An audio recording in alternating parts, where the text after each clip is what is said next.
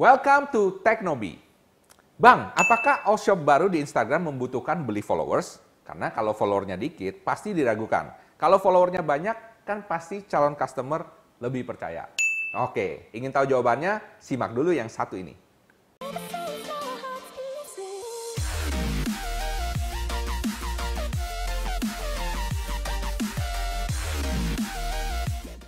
Hai Technoheads, uh, kembali lagi dalam sesi Q&A hari ini kita akan berbicara mengenai pertanyaan-pertanyaan seputar bisnis online ya. Terima kasih sekali kepada para Technoheads yang sudah memberikan komen dan pertanyaan-pertanyaan. Jika Anda punya pertanyaan seputar teknologi dan bisnis online, jangan ragu ya, langsung komen below. Saya akan coba jawab pertanyaan-pertanyaan Anda lewat Q&A session seperti ini. Bahkan kalau pertanyaannya cukup bagus, saya akan jadikan satu video khusus hanya untuk jawab pertanyaan Anda.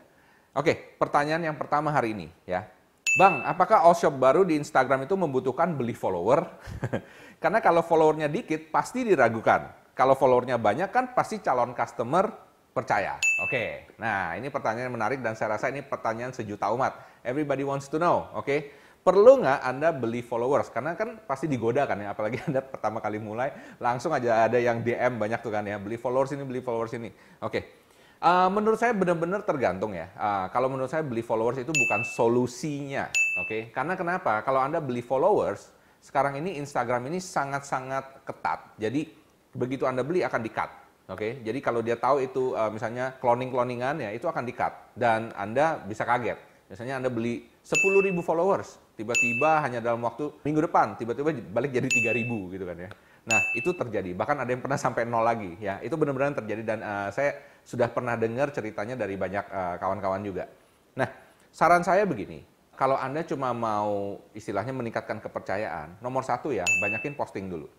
Banyakin endorse, oke. Okay. Iklan, iklan aja nggak kenapa. Kasih giveaway something, pokoknya minta orang jadi follower. Oke, okay? itu yang pertama dilakukan dulu. Jangan beli follower dulu, oke? Okay?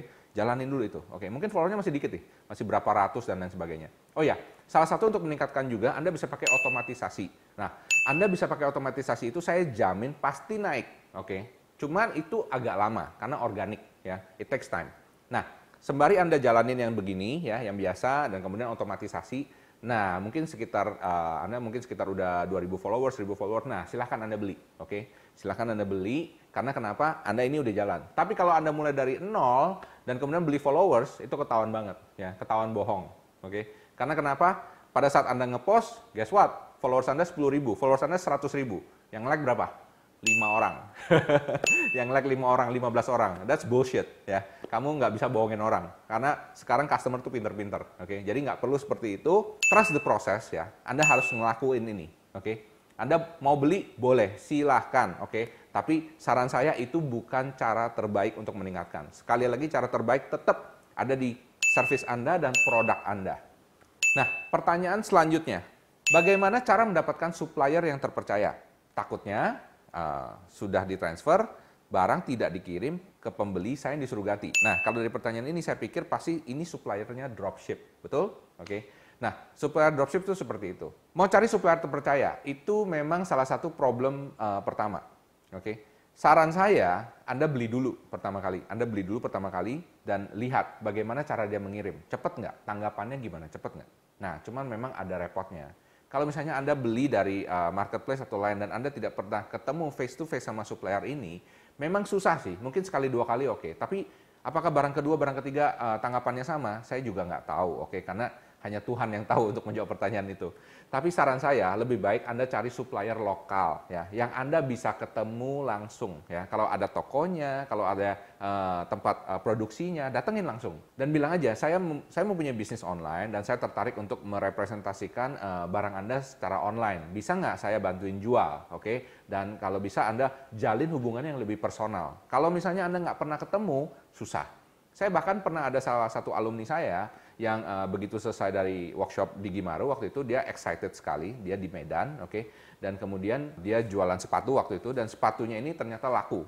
Begitu laku dia minta ke suppliernya, tapi suppliernya ini lama banget, padahal duitnya udah di tangan dia, gitu loh. Tapi suppliernya lama banget nggak nggak kirim-kirim. Jadi akhirnya pembelinya ini uh, malah minta di refund, oke, itu sayang sekali. Terus dia tanya kepada saya, Pak Mike gimana caranya? Saya bilang gampang. Nah kalau kamu jual sepatu kan, kamu jual sepatu cari produsen sepatu, pabrik sepatu itu di mana? Nah, dan dia bilang e, di Cibaduyut pak di Bandung. Oke saya bilang kamu luangkan waktu ke Bandung ya, nginep satu minggu di situ, kamu keliling setiap toko, setiap tempat kamu jalin hubungan ya. Itu caranya.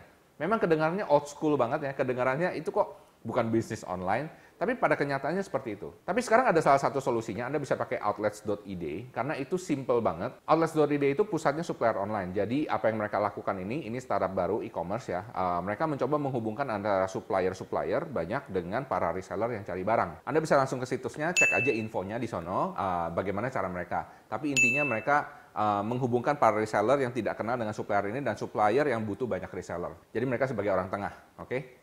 Oke, cukup sampai di sini. Uh, terima kasih atas pertanyaan-pertanyaannya dan jangan lupa ya untuk komen below kalau Anda ada pertanyaan-pertanyaan yang ingin saya bantu jawab. Jangan lupa juga untuk like dan subscribe dan kemudian cek dua video sebelah sini yang saya yakin salah satunya Anda pasti suka. Dan jangan lupa follow Instagram saya di Michael Sugi. Sampai jumpa, salam hebat, luar biasa.